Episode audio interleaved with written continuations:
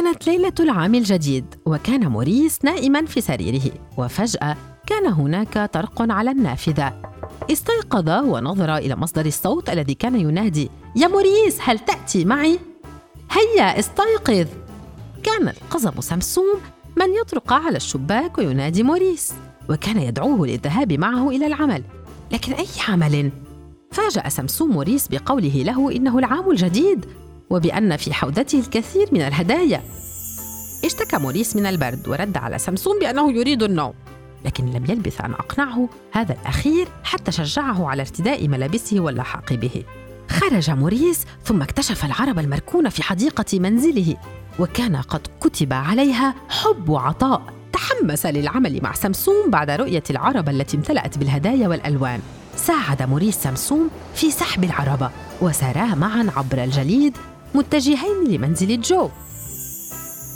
كان جو المزارع الذي يهتم بحديقة منزل موريس وفي الحقيقة لم يكن لديه أولاد أو عائلة. لذا تفاجأ موريس من زيارة سمسوم له. أخبر القزم موريس بأن عدم امتلاك جو عائلة هو السبب الأساسي لزيارتهما له. فالعام الجديد على الأبواب وإنها الفرصة المثالية لجعل هذا الرجل الوحيد والمسكين سعيدا. لا أحد يستحق قضاء ليلة عيد العام الجديد بمفرده.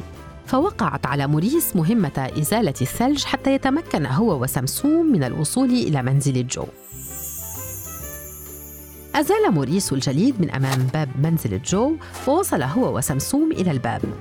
طرقا حتى فتح لهما الرجل المسكين وقدما له معطفا جديدا وعشاء لذيذا وحذاء كي يتمكن من تحمل البرد في ساعات العمل الطويلة. سر جو لهذه الهدايا لكن الفرحه الأكبر فقد كانت في قلب موريس الذي شعر بحب العطاء وببهجة العيد الحقيقية عندما رأى معالم السرور على وجه جو كانت موافقة موريس على مساعدة سمسوم الدرس الأهم في حياته فقد تمكن من أن يزور سكان مدينته وقدم لهم جميعا ما يفرح قلبهم من هدايا ومفرحات صغيرة وأساسيات كانت تنقصهم في هذا الشتاء البارد.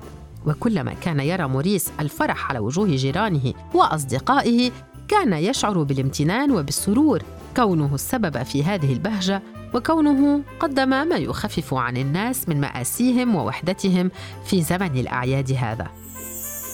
لقن سمسوم موريس درسا لن ينساه ابدا عن العيد وجعله يرى بعينه بأن الأعياد لا تضج بالفرح سوى عندما نقدم للناس حولنا ما يفرحهم. المحبة والعطاء والمساعدة كلها الهدايا الأجمل التي يمكن أن نقدمها لبعضنا البعض. بعد نهاية جولة سمسوم وموريس قدم القزم للطفل هدية كان ينتظرها منذ حين. هابه يعطيه كتاب قصص قبل النوم ما أفرح الصبي كثيرا. وبدوره دخل موريس إلى المنزل مستقبلا سمسوم والعام الجديد ليحتفلا ويقضيان برفقة عائلة موريس عيدا دافئا. وسعيدا.